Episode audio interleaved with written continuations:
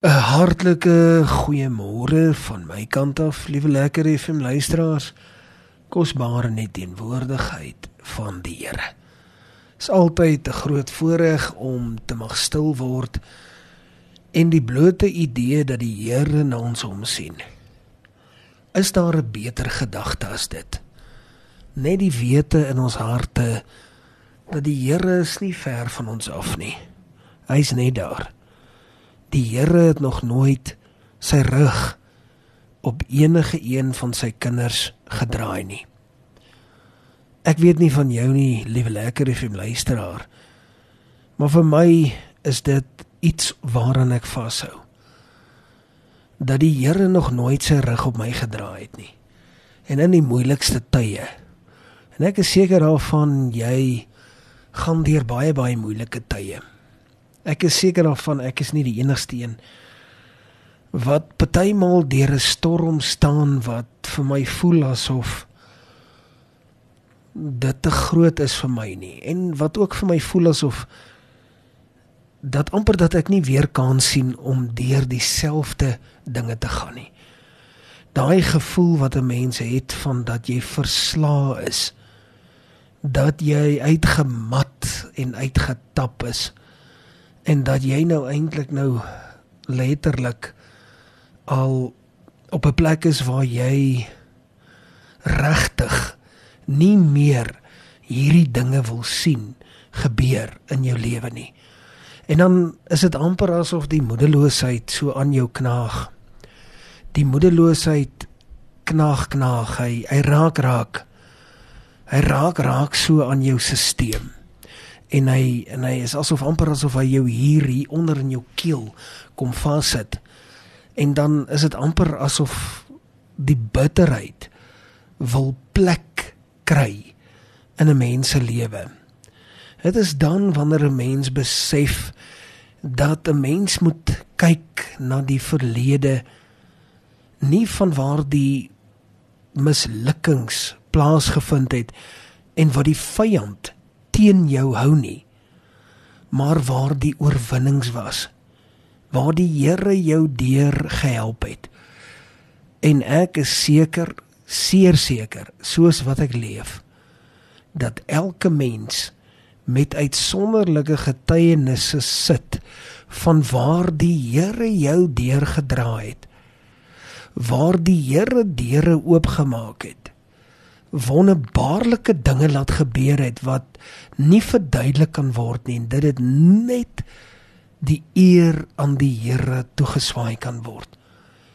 Dit is my so kosbaar want as 'n mens kyk na wat ek gisteroggend juis gepraat het dat die Here groot gemaak moet word dat hy behoort groot gemaak te word. En dan kyk 'n mens na hoe Dawid voor die hele vergadering die Here se naam groot gemaak het, dan besef 'n mens dat jy self tekort skiet. Want wanneer laas het jy voor mense die Here se naam groot gemaak? Ek kyk maar baie maal met 'n skaam, rooi gesig in my eie lewe en dan sien ek dat ek nie naaste by doen wat ek kan doen nie partymal is dit asof jy dit jou ontgaan.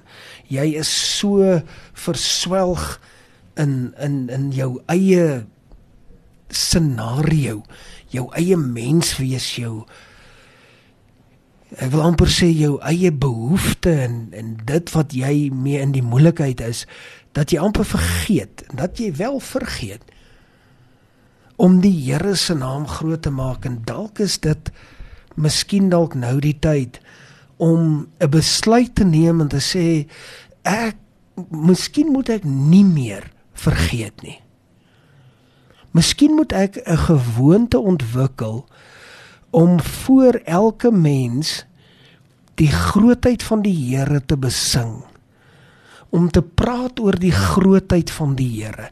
Dit wat die Here alreeds gedoen het in jou lewe groot dinge wat die Here in plek gestel het waar hy jou bewaar het, behoed het, waar hy sy hand oor jou gehou het, waar die Here vir jou nog 'n kans gegee het. waar die Here jou bederf het. Miskien is dit tyd om om dalk aan hierdie dinge te dink. Want dit is wat Dawid gedoen het voor die hele vergadering van Israel. Het hy die Here verheerlik. Het hy gesê daar is niemand so groot soos U nie. U is groot, U is alomteenwoordig. En hy het die hoogste posisie gehad. Baie keer is dit amper asof ek die idee kry hoe hoër 'n mens se posisie hier in die moderne wêreld is, hoe moeiliker is dit vir mens om die naam van die Here groot te maak want dit is amper asof mense gaan dink jy is besig om 'n veeverhaal te vertel. Nou my antwoord op dit is laat hulle dan nou maar dink jy is besig om 'n veeverhaal te vertel. Maar die woord van die Here sê dat werp jou brood op die water en die Here sal vrug bring. Die Here sal vrug bring en miskien nie altyd soos wat jy dink nie.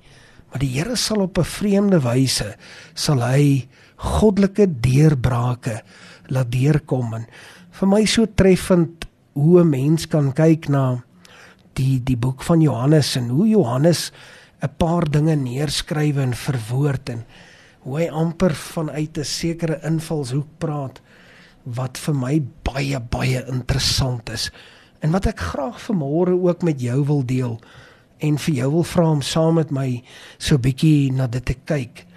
Maar voordat ons dit doen, kom ons sit net so. Dan sluit ons die oë, dan bid ons saam. Hemelse Vader, dankie vir u woord. Dankie dat u woord getrou is.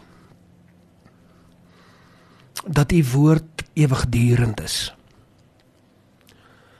Dankie dat ons weet omdat ons weet dat wanneer ons stil word en u woord toelaat om om ons te kom verander, dan sal dit ons verander. Here, dankie vir dit. Dankie vir die grootheid. Is ons gebed in Jesus naam. Amen. En amen. As ek so luister na wat Johannes geskryf het, dan is dit amper asof ek nogal wonder die tipe mens wat hy was dis een van die van die sake wat vir my vandat ek die voorreg gegeen was om teologie op 'n akademiese vlak te studeer het ek nogal baie geïnteresseerd geraak in hoe die verskillende karakters en helde en heldinne van die Bybel hoe hulle persoonlik was en dan tel jy hier en daar dinge op in die karakters en dan maak jy vir jouself 'n opsomming. Ek wil amper sê jy maak vir jouself 'n prentjie. Jy skets vir jouself 'n prentjie van hoe hierdie mense was. Min of meer hoe hulle in hulle lewe was, hoe hulle gedink het. En dan kry 'n mens nogal baie verrassende idees en gedagtes en Onder andere as 'n mens nou mooi gaan kyk na Johannes en jy sien hy tref 'n paar boksies wat hy regmerkies inbring om vir ons sekere konsepte te verduidelik. En, en en ek wil amper sê te weer te gee. En die eerste daarvan is dat is dat Jesus die seun van God was en is met die Vader op 'n konstante basis. Daar was amper nie 'n verskil nie. Nou ons dien 'n drie enige God. Maar toe Jesus op die aarde gewandel het, was hy ook baie naby aan God die Vader. So hy is in hom, deur hom, met hom, tot hom en in verbinding met hom gewees. Vandag dien ons die drie enige God. Ons dien ons hemelse Vader Jesus Christus en die Heilige Gees as een. Maar daar is drie verskillende rolle waarin die Here met ons werk. Baie interessant. En as jy gaan lees, dan sien jy hoe Johannes dit tot 'n mate vir ons wil oopbreek. En dan vind jy ook spesifiek dat Johannes kom en hy maak seker dat ons wat lees verstaan dat die Here Jesus Christus van Nasaret die ewige lewe bring aan die mens wat glo. En weet jy wat, liewe lekker FM luisteraar, mag jy vanmôre geïnspireer wees om raak te sien dat die Here jou die redding gee. En dat die ewigheid behoort aan jou as jy as jy verstaan dat dit is wat die Here vir jou gee. Hy gee vir jou redding en verlossing. Die geheim is net jy moet dit raak sien en jy moet dit verstaan. Dan kom Johannes en hy en hy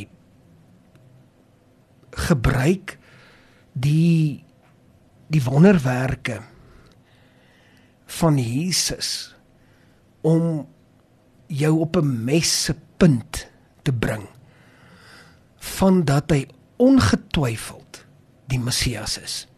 Dat Jesus die Messias is, die een wat die redder en die verlosser is as gevolg van die goddelike wonderwerke wat hy juis kom doen het. En dan daardie wonderwerke kom hy op 'n baie kosbare manier en hy hy kom bring dit onder ons aandag dat dit die geloof wat ons het in hom sterker maak. Maar die hartseer van dit is dat hy ook dan nou hulle wat hulle harte verhard tot 'n mate amper sien dat die harte nog harder word en dit is vir my amper 'n groot hartseer. Dit uit die uit die uit die oogmerk van Johannes uit. Maar wat vir my uiteindelik waar hy dit alles mooi saamvat en waar ek eintlik opgewonde raak is hy dat dat hy dit so mooi verduidelik dat Jesus Christus dan nou ook die liefde van ons hemelse Vader ek wil amper sê in persoon geword het. En mag dit vir jou en vir my iets kosbaars wees, iets waaraan ons kan vashou, iets wat jy vandag saam met jou kan neem en kan sê, weet jy, die Here die Here het 'n plan vir my lewe. Want die liefde wat die Here vir my het, is so intens. Is so treffend en dit is uniek. Daar is geen ander liefde wat bestaan soos die liefde van die Here nie. Die onvoorwaardelike liefde van Jesus Christus van Nasaret wat maak dat ek en jy nie verlore hoef te gaan nie. Maar die ewige lewe mag beerwe. Ek wil graag vir jou lekker FM luisteraar sê dat die ewigheid die strate van goud is nie beskore vir sommiges nie maar vir een en elke mens wat besluit om die Here vir hulle self aan te neem en te sê Here ek is die een wat hardop verklaar en sê ek glo wat u vir my sê. Tot sover die woord van die Here. Kom ons sit net so. Dan sluit ons die oë dan bid ons saam. Hemelse Vader dankie vir u liefde. Dankie vir u genade. Dankie dat u ons toemaak omvou en dat u met u grootheid na ons omsien kom seën ons deur die loop van hierdie dag. Mag U naam verheerlik word tot in alle ewigheid. Is my gebed in Jesus naam. Amen. En amen.